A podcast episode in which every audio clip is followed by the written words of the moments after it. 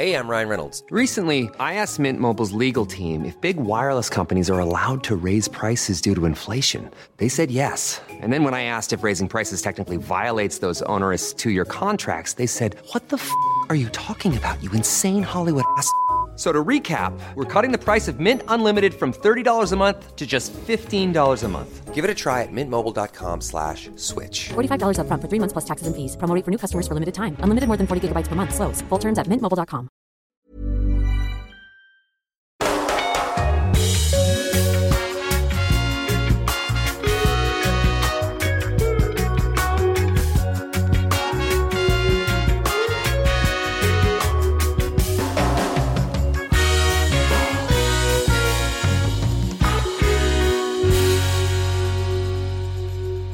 Ny vecka och nytt avsnitt av den damallsvenska podden. Jag kom in här med hur mycket energi som helst känner jag, trots att det liksom spöregnar i Stockholm. Nere i södra Sverige är det faktiskt sommar. Hör ni med mig i studion? Eh, Kristoffer Bergström, Makoto Asahara. Här uppe känns det inte riktigt som att sommaren är så nära va? Verkligen inte, verkligen inte. Jag har dränkts på vägen hit. Kul att ha dig tillbaka här uppe. Tack! Jag känner mig lite som en eh, solstråle och jag tänker bara ta för mig här och börja med min spaning då som handlar om Skånetrippen kan vi väl kalla det, för jag har ju varit nere hela helgen. Och man kan ju tro att eh, när man kör från Stockholm, det, det, är en bit till Kristianstad, det tar en sådär sex timmar. Det gäller att ha lite marginal och sådär. Eh, då kan man ju tro att det är där någonstans det kan gå fel på vägen, men jag var faktiskt inte sist till arenan i Kristianstad. Vi har med oss eh, en gäst, Ebba Hed i Vittsjö. Ebba, du, eh, vad hände egentligen på vägen till matchen? Nej, alltså det började med att jag då tänkte vara lite smart och ta en eh, snabbare väg, motorväg. För där kan man ju gasa på lite. Men alltså så fort jag bara kör på motorvägen så ser jag att det är kö. Och där stod vi en timme liksom. Eh, och eh, det slutade med att man blir framflyttad en halvtimme.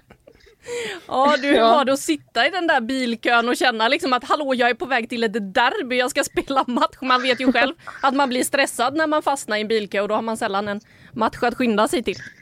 Ja, alltså man var väl alltså, i alla moods som det gick att vara alltså, I början skrattade man lite, typ skojade runt lite. Så helt plötsligt kunde man bli riktigt, riktigt förbannad. Eh, och så bara för att det, vi stod verkligen still. Eh, och sen kunde man skratta lite åt det igen för det är ganska sjukt det som ändå hände liksom. Vi var så nära till en match men ändå så långt bort liksom. Men hur långt var Eh. ni geografiskt från arenan? Kunde ni hoppa ur och, och sno en Alltså- cykel eller något? När vi, alltså, vi hade precis kört på, alltså när vi var i Hässleholm fortfarande. Men, eh, men vi, vi hade så här massa idéer typ om att kanske gå tillbaks. Alltså om vi lämnade för Tove och Alex, de skulle inte spela matchen. Så de kunde köra vår bil så kunde jag och Filippa alltså gå längs vägen så att någon skulle möta upp oss typ. men vi kom inte så riktigt så långt. Jag vet inte varför egentligen men det var för att ingen kunde hämta oss. Vi försökte verkligen ringa runt men det verkar som inte någon ville att vi skulle spela någon match. Det här var ju sabotage, det hör mig lång väg. Ja, det är någon i motståndarna som har hällt ut livsmedel på vägen eller någonting. Men var det du som valde att ni skulle åka motorväg? Eller var det gemensamt Ja, beslut i bilen? Nej, det var jag. Jag hade egna, egna teorier på gång.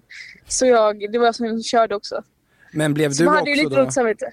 Ja, Vad sa men du? vad sa lagkamraterna i bilen då? Dömde de dig för att ha gjort Nej. det här beslutet också? Alltså jag sa ju förlåt typ hela tiden men de, sa ju, de försökte liksom rädda situationen med att säga att, att jag inte kunde veta något.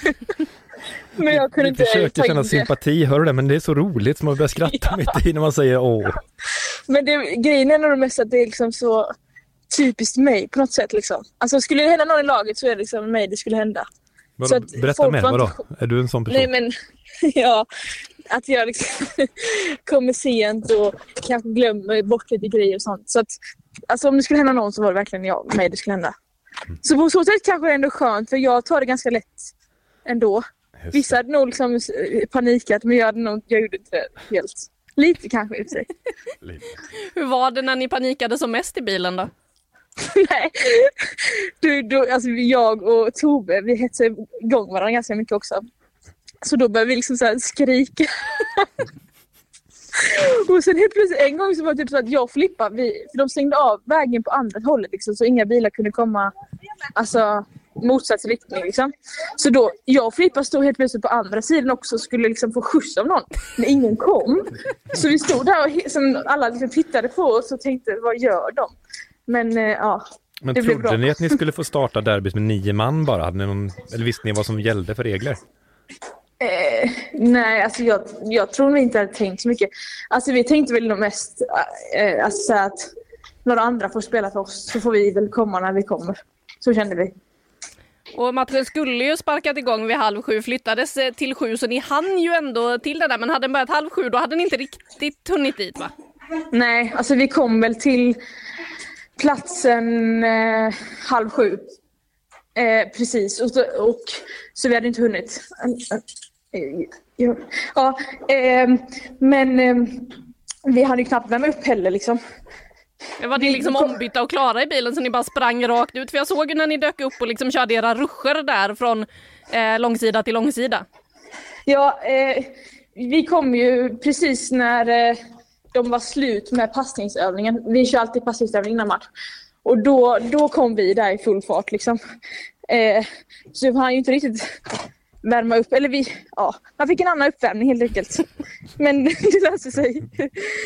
Ja, eh, och sen torskar vi. Så vi ska inte prata Ja. mer om matchen. Vi kanske ska skita i Nej, den. ja, det är nog lite känsligt faktiskt. Får jag gå in på någonting helt annat? Eh, Ja, en artikel från 16 juni 2015. Du har gjort eh, hattrick borta mot Borens IK. Ni vann med Ja. 4-3. Just det. Eh, rubriken är eh, En stor talang med näsa för mål. Du beskriver dig själv som en anfallare som vräker in mål. Vad hände? Alltså den matchen är. Ja, den matchen och varför är Eller du nu- nazistdrottning nu? Du, är ingen, du vräker inte in mål. Ja, nej, jag vet faktiskt inte vad som hände. Jag, eh, jag blev nedflyttad. inte riktigt bra. Nej, men jag vet inte. Jag tror bara det var min vänsterfot som liksom fick mig att bli ytter istället. Man vill ha inlägg, lite sånt kanske. Tänker jag. Men du var sån som vräkte in mål när du var ung. Ja, ja, nej. Men dock, då var man ju ung. Jag kanske inte var... Det, jag hade vräkt in mål nu om jag varit forward ändå liksom. Men, men eh, som ung var jag, då gjorde jag mycket mål ändå. Alltså då var jag forward och körde alltid det. Men inte Vittsjö, jag har inte varit forward i Vittsjö nu de senaste. Ni har ju en ganska bra anfallsuppsättning där annars nu också med Fernanda som kommit in och så vidare och Gelnik tillbaka. Hur är det att liksom servera mackor till den typen av anfallare? Nej, men det är tacksamt. De tar ju emot eh, alla bollar man tar nästan. Nej, men alltså de är jätteskickliga och det är kul att ha så bra spelare runt omkring sig liksom. Som man kan serv- servera bollar till. Ja, för tittar man på statistiken så är det ju tre assist som du står noterad för hittills. Eh, Vi har ju sett några fina frisparkar och sådär. Eh, Vad säger du själv om din vänsterfot? Eh, jo, men den eh, funkar. Den ibland. alltså jag har typ inte funderat så mycket på det, men eh, just eh, frisparkar och sånt har vi ändå kört nu på träningarna en del. Eh, så det är kul att det liksom ger resultat. Ja, vi måste ju Ehm. säga också att ni har gjort tre mål och du gjorde tre assist. Så att det, Ja, det, det är faktiskt, det har inte jag tänkt på riktigt, men nu häromdagen så sa pappa det och jag bara ja, det är faktiskt sant. ska vi säga det igen? Du gjort tre assist, alltså bara det är tre mål. Jag vill bara höra det. Ja. Och det allra farligaste vet man när man möter Vittsjö, det är att ge er en frispark några meter in på offensiv planhalva till höger. För Då går du över dit med din vänsterfot och då blir det ju mål. Exakt. Det får inte vara för nära mål för då, då blir det oftast inte bra, men långt bort liksom. 140 meter ifrån. Då, Ja, då, helst då. Då har inte ens Jennifer Falk en chans. Nej, exakt. Hur bra måste ett frisparksläge vara för dig för att du ska skjuta istället? Eh, nej, alltså jag vet inte. Jag, där, jag har nog inte riktigt kommit in i att jag ska skjuta själv helt faktiskt. Men då måste man nog vara väldigt nära för att ens ha den tanken faktiskt. En straff till och med kanske? Till, att flyger Ja, en straff till och med. Ja, ännu mer liksom. En indirekt frispark. Ja, du får väl inte ens skjuta på en indirekt frispark? får, jo, det får man. Eller om någon petar. Får Ja, man ja, efter petet, ja i och för sig då. Ja, okej. ja. Ja. Om någon nuddar bollen, då kan man skjuta Det är direkt. att någon annan kan ju gå in och nudda bollen innan, det är ju en aspekt också. Ja, exakt. Precis. Vi har ju här snackat lite om vem som har seriens bästa vänsterfot och, och June Peder känner ju en kandidat och Fanny Long har vi snackat om också. Vem, vem säger du? Nej, gud. Jag tänker inte säga mig själv där för det är väldigt oödmjukt. Nej, jag vet inte. Jag tycker... Eh, eh, ja, Juno har bra. Jag tycker Mia Karlsson också har bra vänsterfot. Konstigt, för Före vi började spela in det, då sa ju du att du är klar etta här. De andra kan köra upp sin vänsterfot i röven. Nej. Det var märkligt tyckte jag. Ja, det var kul. Ja, Kristoffer eh, hittar ibland på lite grejer här inne i studion ja, också. jag blev lite tyst. Obekvämt. Sa jag det där? Va? Men du Ebba, vad säger du om er eh, säsongsinledning så här långt? Det har blivit en seger och som vi sa tre mål med då tre assist från Ebba Hed. Ja, alltså vi började ju serien, eller bra seriepremiär där vi vann. Eh, sen mot Örebro, alltså jag tyckte ändå vi hade väldigt bra spel och tyckte det kändes bra. Men sen så får de ett mål då och då förlorar vi matchen. Eh, och samma mot Häcken, men jag tycker ändå vi hade kontroll på matchen. Liksom så. Men det var nu senast mot eh, Kristianstad där vi märkte att vi har lite att jobba på. Där höll det inte riktigt anfallsmässigt heller. Vi gör ju knappt, vi gör inte så mycket mål. Även fast vi får, får vissa klara chanser. Nu väntar ju AIK. Eh, ska ni försöka få igång målproduktionen då mot nykomlingarna som har överraskat positivt så här långt får man väl ändå säga? Ja, alltså man ska ju verkligen vara försiktig eller vara, eh, ha respekt för dem. Eh, och vi har väl, de eh, går ner väldigt mycket på en fembackslinje. Eh, vilket gör det väldigt tufft att komma ner till sista tredjedelen också. Men eh, man får väl försöka utnyttja det också. Eh, Är det något Men ni sen- har så är det ju murbräckor, får man väl säga. ja, Jag tänker på. Markstedt eller på... Jaha, ja, ja, ja precis. Där har vi, de kan ju, hon kan ju springa tills benen går av. Alltså herregud. Men ja, så det är väl egentligen bara att nöta på. Till slut kommer väl ett mål förhoppningsvis. Eh, bryta ner dem. Du, en grej i den här serien är ju också underlaget. Ni spelar ju på gräs.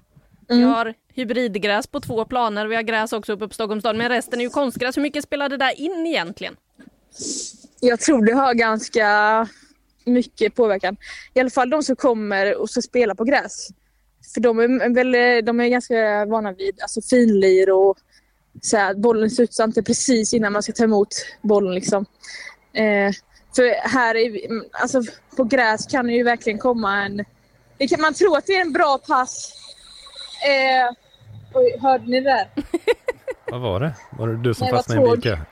ja, exakt. ja, det var tågen här. Eh, vänta lite. Ja, alltså gräset här i Vittsjö, eller överallt, typ, så, så tror man att det liksom är jättefin passning. Så helt plötsligt kommer en liten, liten sån här buckla typ, så kommer bollen precis över foten. Och det händer väldigt ofta nu. Eh, och jag tror inte man är riktigt van vid det. De som kommer från konstgräs liksom. Eh, det ställer till det lite mer om man vill rulla boll också typ eh, i backlinje eller mittfält och så man får vara mer förberedd och mer på tårna typ. Blir det då istället att när ni går och ska spela på konstgräs, vilket ni sig gör i de flesta bortamatcher, att ni blir chockade över att oj, vänta ett tag, nu gick ju den här passningen precis dit jag ville att den skulle gå. Ja men ibland, ibland blir det typ så. Alltså man, man, fast man kommer ju in i det ganska snabbt också när man väl typ uppvärmning och sånt. Och man kommer in i det väldigt snabbt men eh, man blir ju påverkad också av det. Jag tror ändå det spelar ganska stor roll även fast man inte vill tro det. Men det, vi gillar ju gräs. Gräs är, det är fotboll. Eh, Ebba Hed, tack för att du var med här. Ni Vittsjö ligger alltså åtta i tabellen just nu ska vi säga också. Ni har fyra poäng Ja. på fyra matcher. Eh, så lycka till med klättringen uppåt. Ja, Tack så jättemycket. Ja, tusen tack Ebba. Med Ja. det så ska vi snacka vidare här eh, och så hörs vi framöver. Ja, ha det så bra. Detsamma. Hej. Hej hej! Oj. Ja, Ebba Hed med oss där eh, ute på äventyr lät det som. Det var tåg. Vi, vi, vi får reda ut någon gång här framöver vad det där äventyret var. Ja. Tåg var inblandade i alla fall. Hon kanske har gått över till det nu istället för att välja bilvägar när hon ska ut och åka så att eh, det inte blir några felval där. Men man vet ju också att eh, tåg inte alltid det pålitligaste Nej, valet. precis. Det kan bli lövhalka och solstänk och vad det är som kan ställa till det där. Ja, Ja. nog om det. Har vi sagt hej till, till lyssnare? Det har vi va? Ja, lite i alla fall. Jag vill bara börja berätta att jag har blivit eh, känd. Jag är berömd numera. Eh, och det är ju tack vare eh, den här podden och, och tv-programmet Segertåget vi spelar in. Eh, så jag fick ett mejl eh, förra veckan från Therese Arvidsson. Hej, jag är produktionsassistent. Eh, jag har fått veta av regissören Amelie eh, som gör ungdomsprogrammet Up for Noise att hon gärna vill ha med dig i en statistroll. Du ska sticka ut huvudet från ett hotellrum och hyscha åt delar av pojkbandet Up for Noise. Kom till Elite Plaza. Du ska på dig morgonrock och tysta boysen. Hoppas du gillar denna uppgift. och då var man ju smickrad. Alltså dens karisma, jag är ju inte statist det, jag är inte skådespelare och så, men hon har sett en glöd, kanske hört i min röst eller sett mig på tv eller så där. Det känns ganska häftigt tyckte jag. Så att jag Kanske lyssnat på podden och känt att du är den grinige. ja, ja, men kanske, men ändå. Ja. Kjell Bergqvist har ju blivit mångmiljonär på att vara grinig liksom, så jag tänkte att det var bra. Men då har jag lärt mig att jag, man ska inte vara stor på sig, man ska vara lite försiktig. Så jag svarade så här att, jaha, det kanske har blivit lite fel här, men, men eh, ja, jag förstår, okej. Eh, ja, ni får prata mer, varför har de valt mig i så fall? Det kanske är lite konstigt att ni har gjort det så. Jag tänkte att de kanske ska truga lite eller så, så jag tänkte att det var bra. Sen svarade Therese Arvidsson en dag senare. Hej Kristoffer, du har rätt. Vi har gjort helt fel. Det var inte dig Amelie ville ha. Det var ju Magister Nordström. Du har skrivit en artikel om, henne, om honom som jag har fått. Jag missförstod att det var du som var reporter som jag skulle söka. Det var Magister Nordström. Det här var alltså en kritisk text jag skrev om en influencerlärare som gör reklam med barnen. Det var influencerläraren hon ville ha. Jag är tyvärr fortfarande helt okänd och jag får inte vara med i en ungdomsserie på SVT. Det känns skönt så att vi kan hålla kvar dig på jorden här så du inte svävar iväg. Jag är så bitter. Jag, jag, jag tänkte precis innan du gick in på den här historien säga att man vet verkligen aldrig vad som väntar en när man kommer in här, för ni kan säga precis vad som helst. Och nu står jag här och undrar hur jag hamnade här återigen. Det, det är trevligt ändå med omväxlande måndagar. Ja, det kan hända vad som helst de här måndagarna och eh, vi ska höra vad du är imponerad av eh, om en liten Exakt, stund. exakt. Jag, jag, jag letar i järnbalken efter vad jag är imponerad av den här veckan. Någonting är det garanterat. Ja, för min Skånetripp innehåller ju någonting, eh, jag är inte färdig med den än. Jag är är kvar där nere där det helt plötsligt liksom som en chock blev sommar. För eh, i söndags morse, då var det kallt, regnigt. Jag såg inte ens ut från fönstret på hotellet, det var så mycket dimma. Så jag bestämde mig att nej, men jag sover en timme till. När jag går ut till bilen så packar jag då eh, halsduk, eh, underställ, vinterjacka, mössa, handskar, allt sånt för att vara redo för att sitta på en läktare då i skugga. Och så här, man tänker, det blåser lite, det kommer bli kallt, eh, man vill inte sitta och huttra när man kommenterar och sådär. Kliver ut och det är 19 grader ute. Man blir så glad. Men det var inte det som gladde mest på Malmö IP, utan det var ju Jelena Cankovic som imponerade enormt i Rosengård, framförallt i den första halvleken där ju Rosengård spelar ut hela sitt register och verkligen passar sig fram till lägena. De gör så att Djurgården får ju springa sig helt slut i den här värmen, hänger inte med, kom, jag vet inte vad de kom ut till i den här matchen, de var inte alls på tårna i första halvlek och Rosengård kan göra mer eller mindre vad de vill. Och framförallt då Jelena Cankovic. Alltså hennes mål hon gör i den här matchen är ju, nu, nu kommer jag bara slänga ur en väldigt spontan liknelse här som passar lite till det här med värmen och de här skiftande temperaturerna. Att den 2-0 frisparken, den precisionen prickar den här perfekta, delikata, lilla, lilla graden på temperaturskalan i krysset, ribba in. Det är liksom, alltså 19 är perfekt, man vill inte ha något annat. Det är inte för varmt, det är inte för kallt, det är bara underbart. Och just så, den frisparken också, ribba in i krysset. Otroligt delikat, otroligt vackert, otroligt kliniskt. Och sen då den isande kylan på 3-0 straffen när hon bara rullar in den helt enkelt utan några som helst krusiduller. Eh, det kan vara väldigt vackert med sådana skiftande saker också. Och eh, Jelena Cankovic var ju helt fantastisk i den här matchen på, på ett så unikt sätt som bara hon kan vara i den här ligan. Och Djurgårdsmålvakten ska man ju säga det, Kelsey Daughtry, hon slänger ju sig tidigt så att eh, hon behöver ju knappt ha liksom, någon fart på den där straffen när hon rullar in 3-0 målet. Dessutom, det är hon som slår hörnan till 1-0 målet som till slut landar hos Sanne Trölsgård som jag inte förstår hur hon kan vara så ren när det känns som att det är fem, sex djurgårdare precis runt henne i en ring. Ändå så står hon där och kan dra in den. Men Rosengård hade ju kunnat göra betydligt fler mål än så också. Men det är de tre situationerna som Jelena Cankovic är inblandad i där som ger mål också. Ja, Kristoffer, hur skulle du säga Jo. hennes första halvlek? Nej, men jag tar ut veckans elva den här veckan. Eh, och hade Cankovic inte gjort några mål, inte några poäng, så hade hon fortfarande helt given i elvan. Eh, för de här chipparna framför allt, hon, hon bryter mönster med små chippar in i straffområdet och sådär. Hon gör två plus ett också den halvleken. Det är, eh, det är hela damasvenskans bästa halvlek en spelare har stått för hittills. Den var, den var fullständigt grym mot ett ganska dåligt motstånd och eh, en för dagen ganska svag målvakt. Och det är ju just det du är inne på där med liksom de här chipparna som hon lyfter in, men hon kan ju också spela den via marken. Det kommer en del klackar, alltså man vet aldrig vad som händer. Det måste ju vara ett mindre helvete att försvara sig mot en sån spelare, för man vet inte.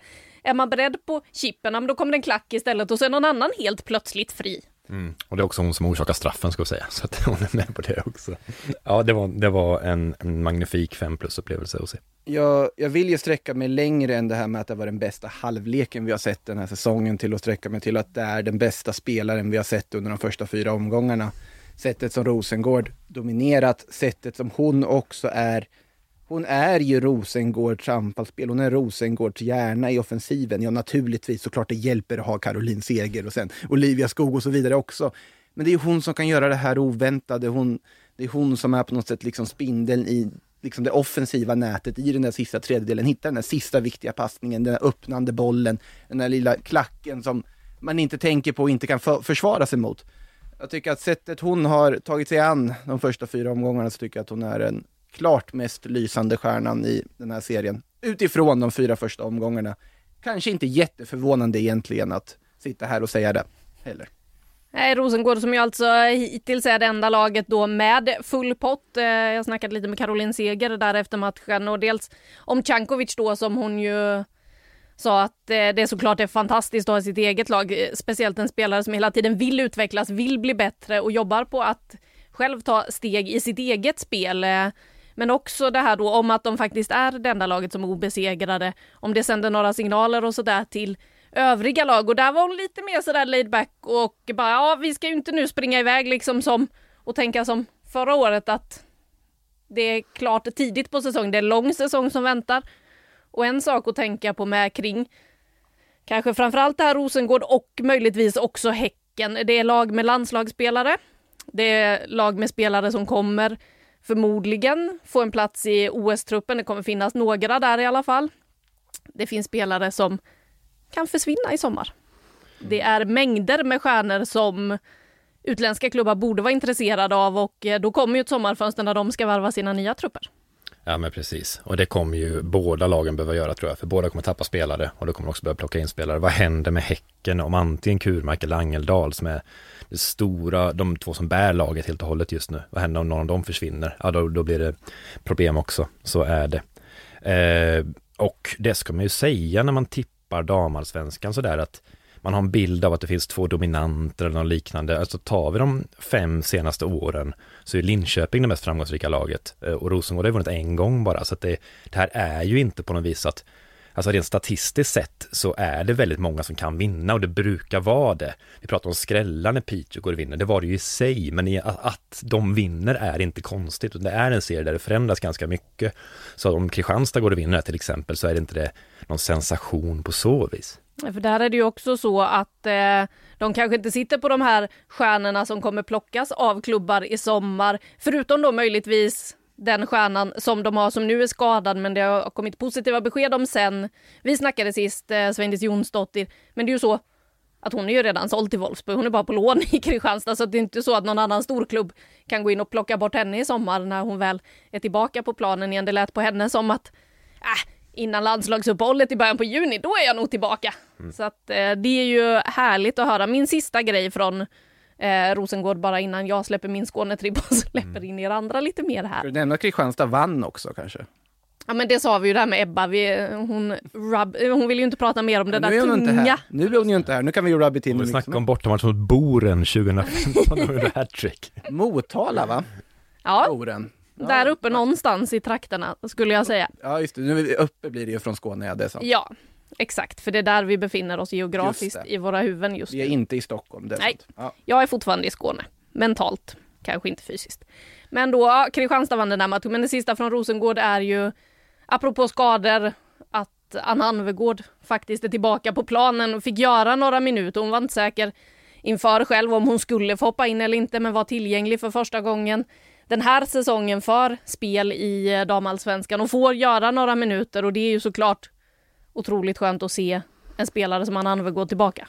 Ja, verkligen. Både hjärnskakning och whiplash som hon pratade om i intervjun som du gjorde, Anna, jättefin. Och, eh, och det, vi behöver ju ha henne tillbaka. Hon är ju fortfarande ingen annan forward gör konsekvent så mycket mål som Anvegård gör ändå, så att, så att hon är väldigt viktig och hon ska ju till OS. Det vore ju väldigt bra om hon kunde komma till OS. Inte för att hon går in och förändrar en matchbild. Hon är definitivt ingen startspelare i landslaget. Men hon är en som är skön att slänga in och ha i boxen om vi ska börja mata bollar och sånt där. Det är skönt att ha en, en klinisk avslutare där. Så att eh, det vore väldigt skönt om hon kom upp i, i, normal standard och då tar hon kanske den 18 platsen eller liknande till i OS-truppen. Eh, det hade jag gärna sett. Det är ju den alltså, komplett bästa forwarden i serien när hon är i form, tycker jag i alla fall. Alltså, absolut, det finns vissa som har vissa spetsegenskaper som kanske är vassare om vi bara tittar på till exempel Rosengård. Ja, Mimmi Larsson kanske är bättre i ett djupledshot liksom bakom en backlinje med den liksom speeden. Stephanie Sanders kanske är bättre i liksom det här target-spelet. Men Anna Anvegård har ju liksom alla de här egenskaperna på något sätt och den här killerinstinkten i boxen verkligen, att det finns någon sorts självklarhet när hon liksom avslutar på ett sätt som man inte ser någon annan. Mm. Det ska ju bli, för både Rosengård och för svenska landslagets skull, så är det bara att hoppas att den instinkten liksom dyker upp här igen nu snart när hon kan vara tillbaka i full form och börja spela för fullt. Det här var ju en perfekt matchbild annars att komma in förutsättningslöst sista tio när Rosengård dessutom lät flera unga talanger som de hade också få lite värdefull matchtid där också. Så det var ju en perfekt matchbild för dem att få vila lite spelare dessutom. Ja, och eh, Anna Anvegård som numera säger att hon liksom inte ens tar en vanlig träning för givet utan är glad för att eh, kunna göra bara en helt vanlig träning som efter då när vi skulle snacka med henne lite kort säger att ja hörni, jag hinner bara två minuter nu för sen börjar träningen. De gör ju så i Rosengård att bänkspelarna de tränar lite efter också så att de verkligen har fått ta ut sig eh, under ledning av Patrik Winqvist och ja, det var så himla fint att se hur sugen hon var på att vara tillbaka på fotbollsplanen. Vem av er vill spana nu hörni? Tror det eller ej, jag är klar. Ja, men uh, ska, jag, ska jag ta oss till Stockholm då? Till att börja med. Är du imponerad över Stockholm? Ja, ja. Jag, jag är väl både imponerad och... Uh, alltså vi har ju pratat om AIK mycket. Eh, vi har pratat om dem inför säsongen som att det här ser inte så bra ut. Eh, det finns läge att oroa sig. Eh, vi sa det bland annat också efter Växjö-matchen där de inte alls såg bra ut mot ett Växjö som vi som inte heller har sett bra ut ska tilläggas sen här under fortsättningen. Men sen har det ju hänt någonting med AIK. Jag vet inte om det är derbystämningen och det som piskats upp som gör att de plockar fram någonting som man inte riktigt trodde de hade. Men sättet de tar sig tillbaka mot Djurgården, må så vara att Djurgården till viss del också bjuder in dem i den matchen, att inte bibehålla den där, den där spelmässiga dominansen de ändå hade i den första halvleken, ändå låta AIK komma till lägen som de gjorde. Men sen också här mot Hammarby, ja, Alltså, om inte Milla Majasari hade gjort den matchen hon gör, ja, då hade inte det här gått vägen för AIK. Och om de hade haft mer skärpa i avsluten och Hammarby hade varit på topp sett i offensiven, nej, det hade inte gått vägen. Men, men banne med de lyckas få en poäng ändå. De lyckas hitta det där målet från absolut ingenstans i sista minuten. Och två gånger om på två derbyn har de alltså sent om sidor lyckats Ja, första gången vart det ju en seger, andra så var det ju Rosa Kafaji sa ju det själv, var skönt att liksom vinna här på slutet. Nej, just det ja, det var ju inte en vinst, det var en poäng, men en vunnen poäng. Och det var verkligen ett glatt AIK som hade liksom fått den. Att det är väldigt imponerande och just den typen av poäng, att ta dem och lyckas med den här typen av saker, det är sånt som räddar kontrakt. Det är sånt som räddar en liksom, allsvensk existens. Att lyckas med det och få med sig saker från den typen av matcher man kanske vanligtvis inte skulle få det. Och sen måste man alltså man tänker inte så mycket på det här avslutet av Kafaji först bara när man ser det lite snabbt. Men alltså att få det skottet bara rakt i krysset på det här sättet. De vill ju inte helt medge om det var medvetet att sikta på första krysset som hon gjorde eller inte. Men det är ju skapligt sätt att göra sitt första mål i damallsvenskan. Att ja. dra till den med den liksom självklarheten bara rakt upp i nättaket. Ja visst kan ni väl gå in och titta på highlights när ni lyssnar på den. Ni kan pausa och göra det, kolla på det målet. För att det hon gör, det som är så fint är att hon söker upp, hon är alltså på högerkanten, högeränden av straffområdet och bollen är på vänster. Och hon söker upp sin back istället, June Pedersen som är ytterback, och går på insidan av henne och trycker lite med skuldran för att få närkontakt där. Och June svarar genom att trycka framåt och markera henne. Då sjunker Rosa kanske fem meter och är helt fri på bortre därför. June ser inte det. Efteråt är Pedersen kritisk mot att hon ska nicka bort en boll, men det är inte det, hon är för kort för att göra det säger hon, alltså, hon är en, hon är en jävla dvärg tror hon formulerar det själv. Eh, och det är inte det hon felar på, utan hon blir lurad i positionerna helt enkelt. Rosa gör det jättesnyggt när hon, när hon lurar in henne i banan, sjunker och sen avslutar man kort och säger det jättefint också. Eh, det var mycket mycket svagt av Hammarby att släppa in det målet. Jättebra Rosa. Eh, det Hammarby gör som är så dåligt är att de har en frispark eh, precis innan. Eh, med kontroll på bollen, jag tror Eva Nyström som har, ska skicka upp den. Eh, helt håglöst skickar den rakt mot mitten bara för AIK kliver upp lite, bara ger bort bollen. Och sen några sekvenser senare så står det 2-2. Eh, så kan man inte göra i ledning i damallsvenskan och för så bra är serien, så bra är också AIK som är ett av de svagare lagen kanske. Det ska bli intressant att se också hur Hammarby svarar på det här, för det var ju nästan liksom chocktillstånd. Mm. På Hammarby, att hur kunde vi inte vinna den här matchen? För i andra halvleken efter att Janogy sätter det här 2-1 målet, där man snarare var under tanken, ja men AIK får inte släppa till den här typen av saker i eget straffområde, som vi har pratat om förut, man har inte råd med det. Jo, men man har visst råd med det och får poäng när man lyckas på det sättet man gör att ändå hålla, hålla liksom stånd och komma tillbaka på det sättet man gör. Men Hammarby var ju helt chockade i princip och sen Emilia Larsson träffar alltså ribban två gånger om i den här matchen. Hon träffar stolpen mot Örebro. Eh, det, marginalerna är inte på rätt sida där heller också, även om hon skapar väldigt mycket fortsatt. Mm. Ja, har du något mer du vill säga om Stockholmsderbyt eller känner du att vi har eh, klarat av det? Det är ju det andra Stockholmsderbyt. Vi kommer ju ha hur många som helst att se fram emot den här säsongen och hittills har de ju levererat. Ja, verkligen. Det har ju varit dramatik, det har varit heta känslor. Vi har ju verkligen fått det man hoppas på. Det känns ändå som att det är tre ganska inom varandra jämna lag på så sätt. Ja, Hammarbys högsta nivå kanske ligger på en lite annan nivå än de två andras, men det, det märker vi i en sån här match att AIK, de, de har liksom gjort sin läxa. De vet vad det är som krävs för deras del för att hålla sig kvar också. Jag tror man, start, man startar med fem mittbackar i den här matchen. Flyttar upp folk på mittfältet. Måste säga att Linda Hallin där på mitten, vilket jobb hon gör som bollvinnare och liksom sliter från matchminut 1 till 90 stenhårt. Honoka Hayashi gör inte sin bästa match, men ligger ändå bakom båda målen. Det viss del. Nu har man ju jättehöga krav på henne efter liksom det första derbyt, men fortfarande eh, det, det, finns ändå väldigt många goda aspekter. Pressspelet också, hur liksom Rosa Kafaji, 17 år, har tagit sig till det och verkligen liksom ligger så pass bra i pressen och, press, och är liksom hela tiden ett orosmoment för ett försvar som försöker att ställa, liksom, bygga upp ett spel och ett anfall. Nej, det, så att ur den aspekten, jättehäftiga derbyn hittills. Sen måste jag ju nu också dra en viss väderleksrapport om att det där lilla tornet på Skytteholm, först tänkte man, åh vad skönt att det är soligt efter att ha varit lite regnigt och tråkigt här under veckan. I matchminut 85, då var inte det där tornet en plats man unnar någon att stå i när vinden kommer in. Millions of people have lost weight with personalized plans from Noom. Like Evan, who can't stand salads and still lost 50 pounds. Salads, generally, for most people, are the easy button, right? For me, that wasn't an option. I never really was a salad guy. That's just not who I am. But Noom worked for me. Get your personalized plan today at Noom.com. Real Noom user compensated to provide their story. In four weeks, the typical Noom user can expect to lose one to two pounds per week. Individual results may vary.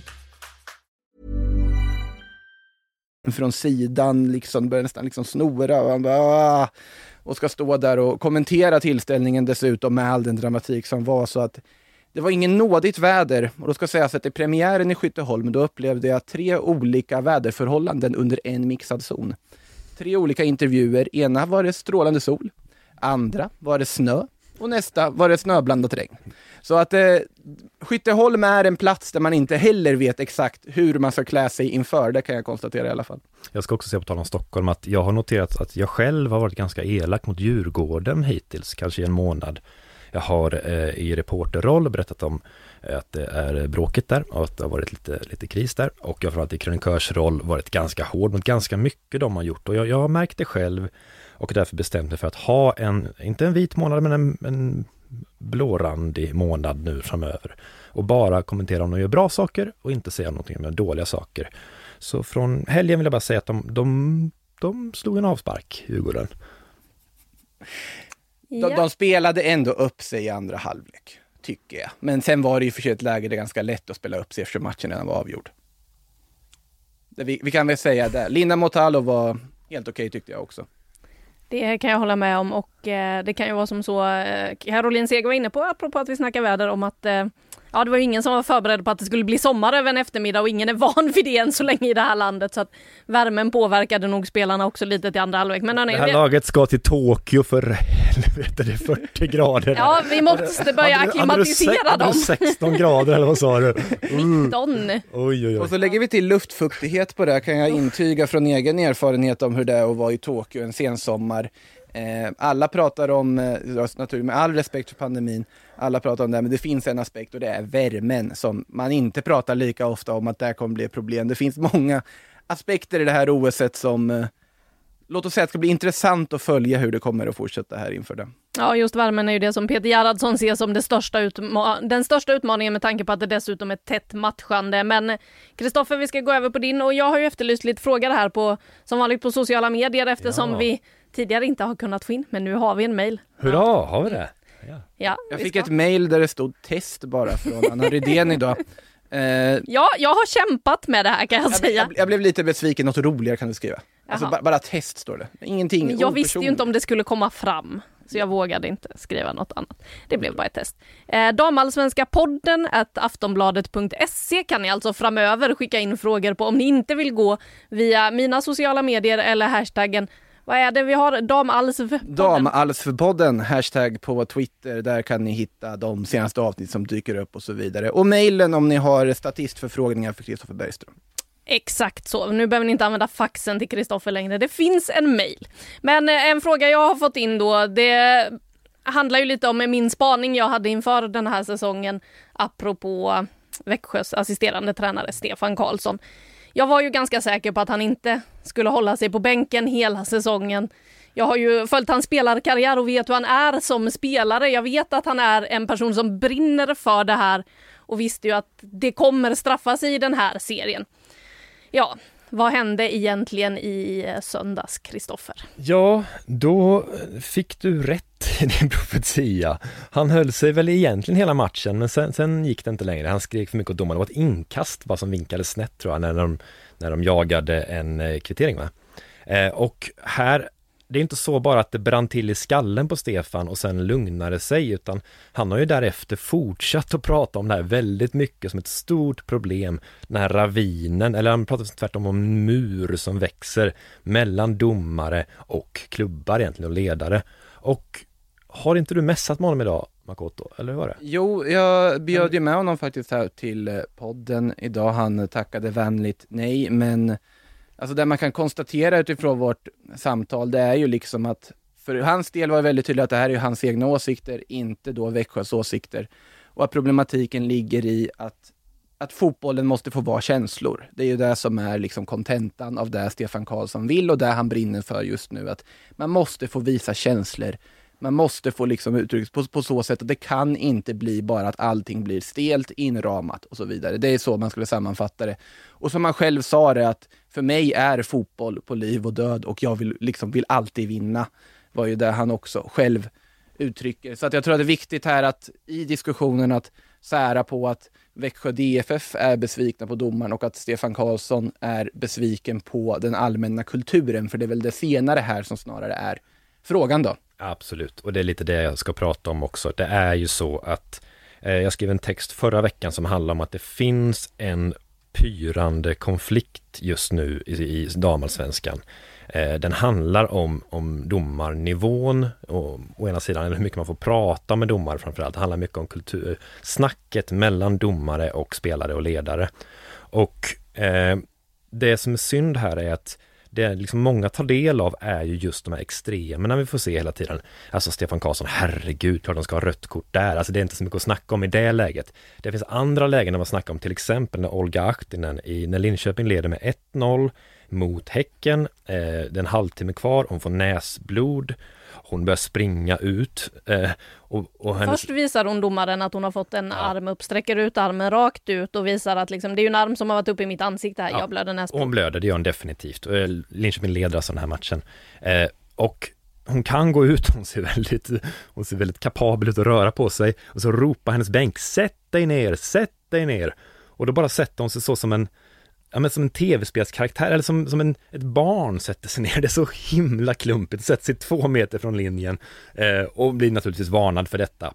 Och, och på något sätt så eh, används det här också som någon argument i domarnivån. Det är den heller inte, det är en fruktansvärt given varning i det här läget. Men det finns mycket mellanlägen där det har skurit sig helt mellan domare och klubbar och det är inte bra. Eh, man måste sätta sig och lösa detta för att annars så kommer det bli mycket. Jag tror att Stefans reaktion hans överreaktion är också sprungen lite ur det här. Och pratar vi med andra tränare eller med andra spelare så hör vi där hela tiden. Det är många som inte riktigt vill prata om det, eller det nämns i förbifarten. Jag vet inte om du kan gå ut med något namn med någon som pratar om det här också? Pratat med flera ledare och sådär då, men just som du säger, det är mycket som nämns i förbifarten. Men den här muren som finns emellan, det känns ju som att det läggs på tegelstenar och den bara blir högre och högre för varje ja. vecka som går just nu. Och då ska jag säga att jag pratar mycket med domare också, med domaransvarig och sånt där. Och från deras håll så blir det hetskare ton och sånt där. Folk blir mer och mer förbannade. Alltså den här Linköpingsincidenten, domaren får kritik för något som är så otroligt uppenbart. Vi har varit inne på att eh, klubbar jag inte pratar om just nu har kritiserat en, en straff på ett sätt som är orimligt också. Eh, så det är inte så att det är en eller andra sidan som gör fel här, utan det är bara att de inte har mötts överhuvudtaget. Och när de väl möts eller hörs i media så är det för ganska sjuka situationer som är överdrivna. Och det är väldigt synd det här. Eh, man kan ju tycka att Antingen borde de snabbast kalla till något digitalt krismöte. Eh, EFD kanske skulle kunna göra någonting här, alltså intresseorganisationen. Det gör de inte vad det verkar som. Och Istället går, blir det bara lite värre. Vi är på omgång fyra, det är snälla matcher hittills. Herregud, om det är så här, vad händer sen när det gäller nytt kontrakt och när det gäller guldstrid och Champions League och sånt där? Vi kan inte gå in i säsongen med sån här osämja. Det är högst olämpligt och om ingenting löser sig så har jag ett förslag på en lösning, om inget annat händer, eh, som jag har sett på TV. Det är att man bokar ett lekland och så kommer de in, de här två eh, kriminella grupperingarna, sätter sig på varsin sida av bordet och så får de skrika på varandra, precis som i Snabba Cash. För jag har inte sett klart säsongen, men jag tror att allting löser sig och alla blir vänner där till slut. Alltså, det, det, här, man känner ju igen hela diskussionen där folk måste ha en dialog. Det är inte första gången i det första sammanhanget som man säger att det finns två olika parter som tycker olika om saker och ting och man hittar inte det här dialogen, man måste ha bättre kommunikation och så vidare. Vi har ju hela den här historien med supportrarna mot polisen med villkorstrappan på herrallsvenska sidan där det har varit en infekterad debatt under väldigt många år nu. Och det, det gäller, och i allt detta så är det just det här att folk måste väl börja kunna se från varandras perspektiv. Jag tror att det är liksom hela grundproblemet utan att nämna namn eller dra, peka finger åt något håll att liksom bara kunna ha en dialog och se saker ur varandras perspektiv, då tror jag man kommer långt. Och sen är det lättare sagt än gjort såklart, att bara plötsligt vidga sina vyer på så sätt. Och sen håller jag ju i grunden med såklart att vi måste få ha känslor på bänkar, men då måste också tränarna medvetna att de kommer få gula kort ibland. Alltså det, och det, på något sätt så tycker jag att det hör till med tränare som får gula kort ibland. De straffas ju för det, men det, det hör till liksom skärmen. Jag som följer spansk fotboll jättemycket, jag älskar ju när tränare och folk på bänken får gula kort. Men jag vet inte om det är min brist på att se på andra dokusåpor som gör att jag får hela liksom den kvoten fylld av att kolla på La Liga. Men där har man också börjat räkna gula kort. Så att det var ju en tränare nu i senaste mellan Real Madrid och Sevilla som var avstängd för att han hade fem gula kort under säsongen. Det är jättevackert. Och jag, jag, känner att det liksom så länge, alltså det, det, handlar om att ge och ta, att jag såklart man ska få utbrott, men du får acceptera att du får ett gult kort ibland också, precis som om en spelare skulle göra det på samma sätt. Ja, men, men jag tycker inte det är som ska försvinna. Nej, och det, och det vill väl ingen. Eh, och nu finns det ingen publik heller, så allting hörs på ett annat sätt. Mm. Eh, och det kan man inte skylla helt på, men det finns delvis så. Men, men som sagt, man kan klippa bort, man kan behålla ganska mycket gula kort och man kan behålla viss del av klagomålen, men man måste hitta någon sorts gemensam grund. Det här säger vi, så här pratar vi. Eh, kan vi rusa i full fart mot en domare, eller ska man gå fram? Ska kaptenen prata? Man måste hitta någon form av, av förhållningssätt där, för det känns lite slumpmässigt just nu. Och det skapar en frustration och då blir reaktionerna starkare än de behöver vara. Eh, för så som konflikten är just nu är det inte riktigt värdigt. Vi kan inte ha det så här just nu i vår högsta och stoltaste serie. Jag reagerar ju också på ett eh, citat som Stefan då efter matchen till eh, lokaltidningen Smålandsposten efter jag misstänker att de har hört oss inför säsongen eftersom han just tar upp att eh, bara för att jag är lite skrikig av mig blir det värsta grejen och medierna pratar om det som om det vore det sjukaste som har hänt. Allt för att jag och Patrik Winqvist, assisterande tränare i Rosengård, reagerar på grejer som händer. Det är som att jag hade dödat någon. Vad ligger nivån egentligen? Där håller jag inte riktigt med Stefan, för Nej, vi, när då- vi har lyft det här har vi varit inne på, precis som Makoto inne på, att vi uppskattar ju när man visar känslor på bänken. Att det ska vara action, vi vill ha mer känslor i serien.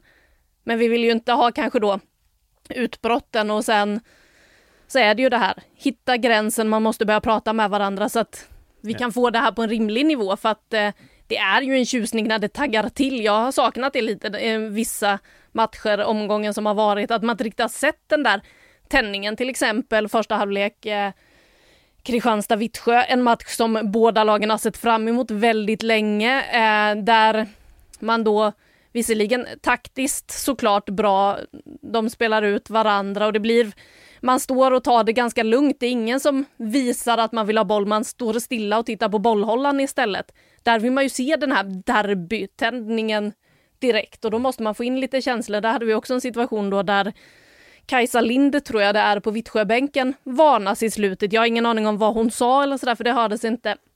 Men hon var lite irriterad på domslut och då är det direkt upp med det gula kortet. Så att det finns ju flera klubbar i den här serien som råkar ut för det och eh, gärna vill att dialogen ska bli bättre kring det här. Ja, och Ja, och då är jag än en gång vrida upp det till det groteska, som att jag har dödat någon. Nej men vad, sluta nu, du är en assisterande tränare och sen var det, ja, kom igen liksom. Alltså så är det inte alls och man kan spela handboll på högsta, högsta, farligaste nivå utan att göra någonting överhuvudtaget. Man säger inte ett ord till varandra. Alltså det, alla kan förhålla sig till en regel när den finns där, ett förhållningssätt, en, ramverk. Det är det som saknas, bara. det är det som är problemet och då blir det glidande hela tiden sådär. Eh, man skulle skulle kunna över dagen införa att man inte får säga någonting, man får liksom hålla sin ilska inom sig eller skrika tyst eller någonting. Då är det regeln och då får man utgå från den. Men nu vet vi inte riktigt hur det ligger till. Och då blir det, det var som att jag dödade någon. Nej, det var det inte. Men, men du kanske inte ska skrika så högt, kanske inte ska skrika så på ett inkast. Det kanske är för mycket i så fall. Och då får du göra lite mindre. Eller så ska vi ha nivån att det där är okej. Då, då gör vi så. Då, då, då väljer vi den nivån. Men bara vi väljer någonting. Så att Leklandet är bokat, kom dit. Det finns ju en annan problematik här som man också ändå måste lyfta innan vi går vidare från det här och det är ju det här att ja, reglerna säger ju en sak. Nu tänker jag på spelare kanske främst om liksom diskussioner med domare och så vidare. Att reglerna säger ju samma sak oavsett om det är herr eller damallsvenskan.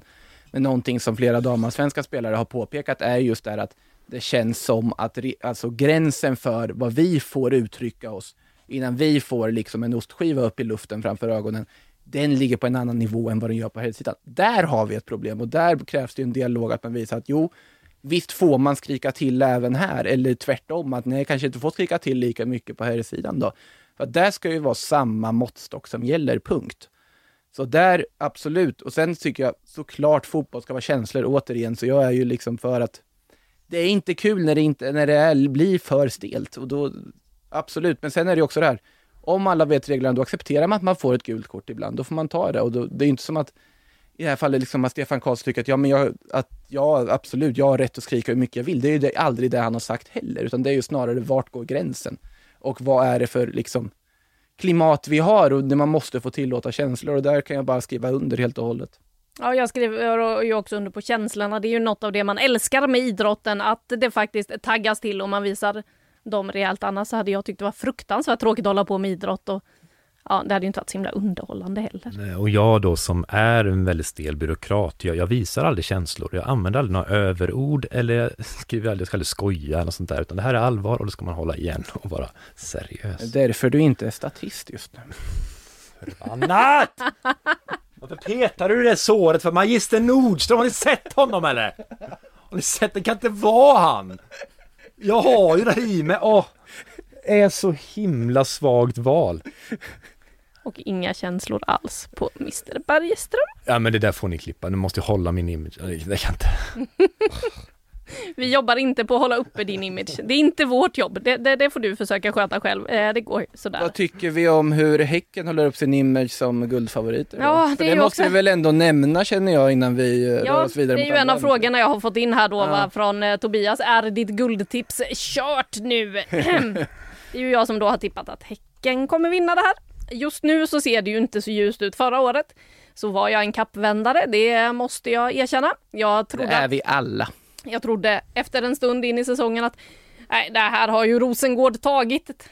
Ha, ändrade mig i tv-studion, sa det, ja, nej jag får ju pudla, Rosengård vinner det här. Ja, några veckor senare pudlade jag igen och sa att eh, det här kommer ju inte Göteborg då, som de hette i fjol, tappa.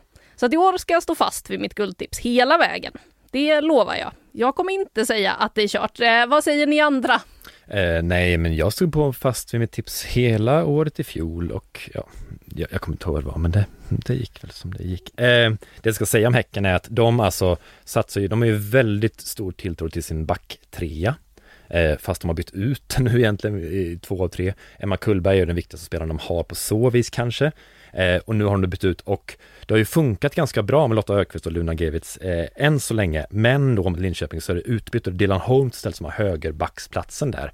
Det vet Linköping. De spelar alltså från Kajsa Andersson, de spelar en taktik att slå bollen ditåt. Och egentligen är det två riktigt klara chanser den här matchen. Alltså Häcken bombarderar med, med spelövertag och försök. Men det klara chanser är det två stycken. Båda är av Linköping genom det mål. De går till på precis samma sätt. De skickar bollen mot Dylan Holmes. Där har man spelare som klackar bollen i Linköping och så har man ett friläge där.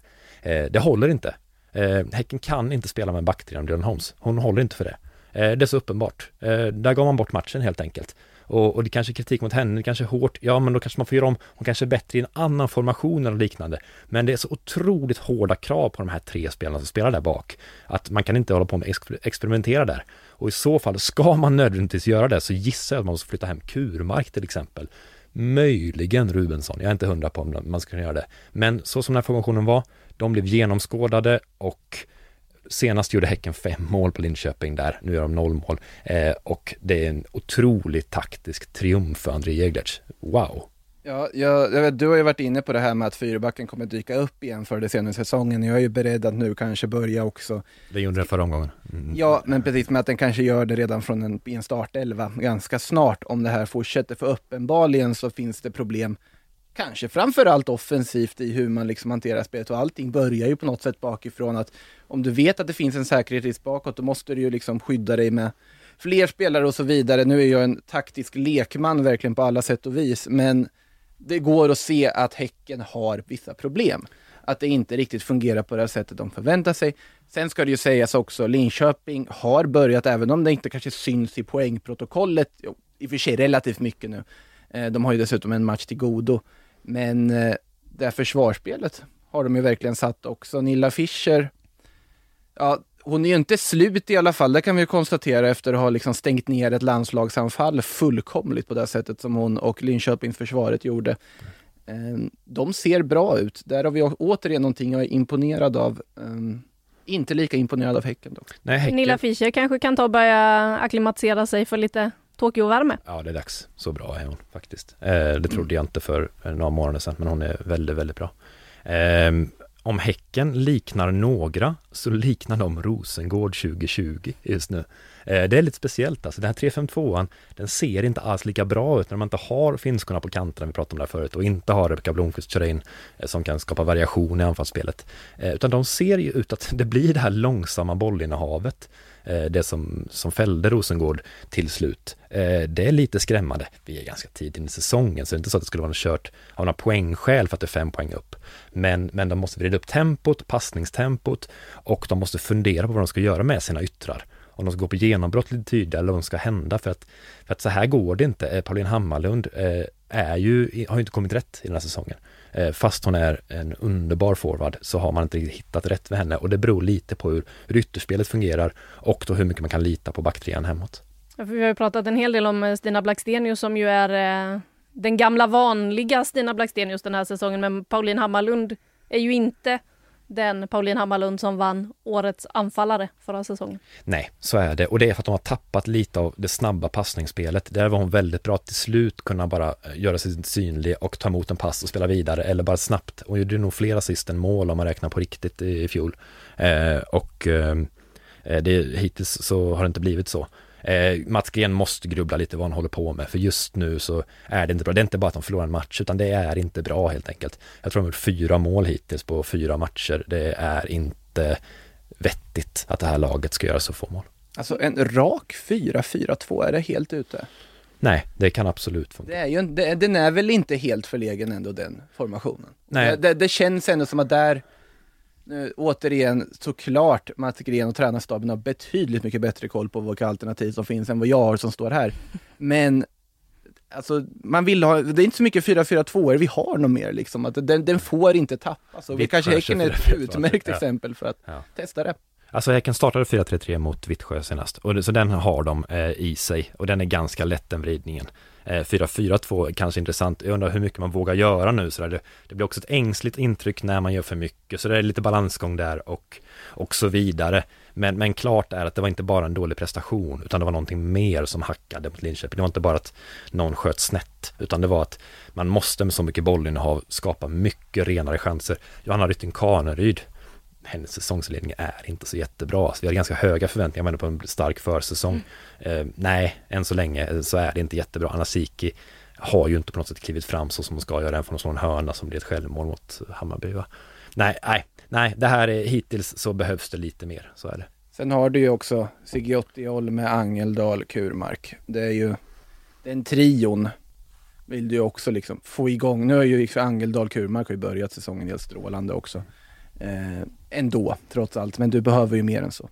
Ja, och eh, när vi ändå är inne på Häcken så kan vi väl diskutera det som väntar härnäst. Eh, Det är ju faktiskt så att de har chans att ta en titel den här veckan. Det är en cupfinal på torsdag.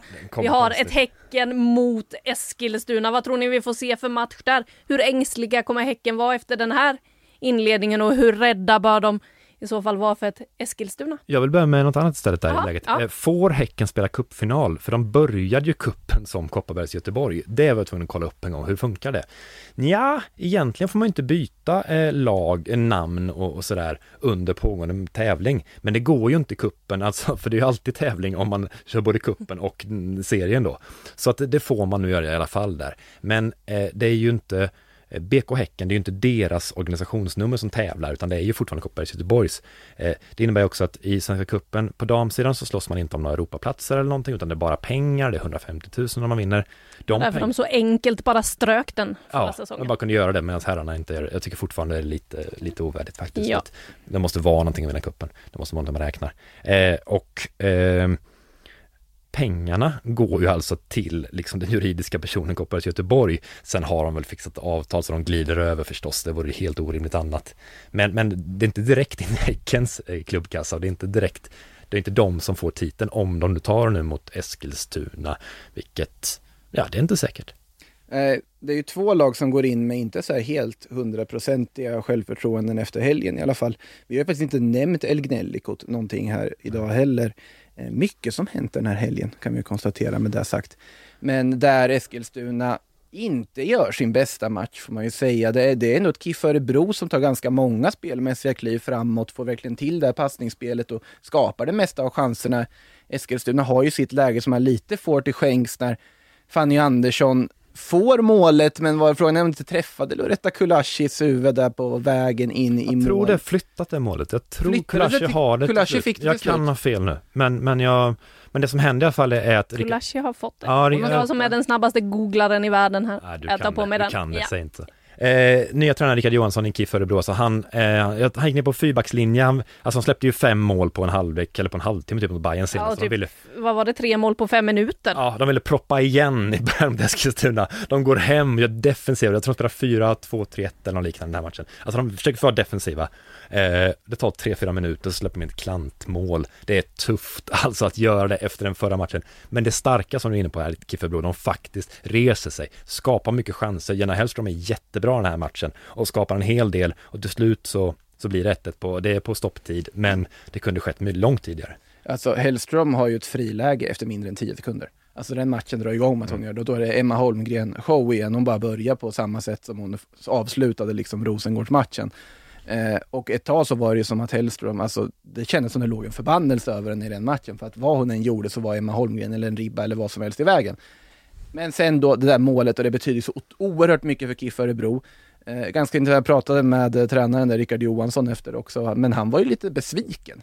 Så här, vi spelar ju så bra. Ja absolut, man vann en poäng, men vi spelade ju så bra, vi förtjänade att vinna den här matchen. Och sen också lite kopplat till det här med Hammarby-tillställningen, att det här på något sätt var kalkylerat. Att det här Örebro med alla de ny, nya saker de har, nya spelare, ny tränarstab och så vidare, att det kommer komma rejäla dippar i matcher. Det är någonting som de på något sätt är medvetna om. Vi såg ju vad de dipparna kan innebära mot Hammarby. Men att det just är att riskminimera och att liksom minimera skadan som de dipparna kommer göra snarare än att undvika dipparna för att dipparna faktiskt kommer att dyka upp förr eller senare under en matchgång. Att det, det är för tidigt att tro att det här Örebro ska kunna bara köra på under 90 minuter och bara funka som ett självspelande piano. Det, det menar jag att det är det inte. Och ur den aspekten såklart att jätteviktigt att få en poäng i, ja, derbyt får man väl ändå kalla det. Eh, men Eskilstuna var det vi skulle prata om och inte KIF Örebro, för de ska ju spela cupfinal. Eh, där, jag, ja det, Eskilstuna ingår ju i gruppen av saker man varit imponerad av under säsongstarten, absolut. Och de har absolut en god möjlighet att göra ett bra resultat mot Häcken.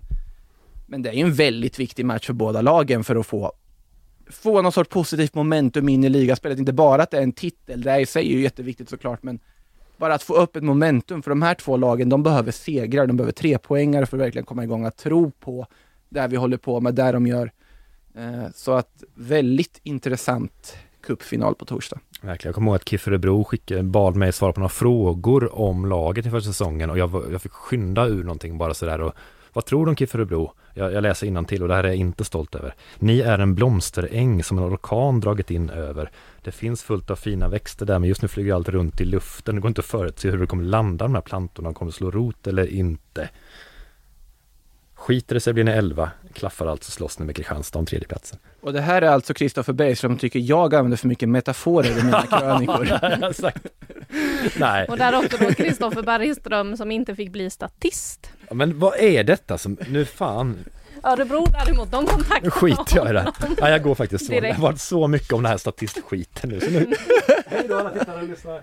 Ja, framförallt eh, tittarna säger vi hej då till. Eh, ni kan sätta igång segertåget så hittar ni kanske honom där om man inte har stormat iväg i all evighet. Eh, ja, Kristoffer Bergström har lämnat oss själva i poddstudion, eh, Makoto. Vi tillåter känslor även här. Det gör vi. Det blir faktiskt inte ens en varning.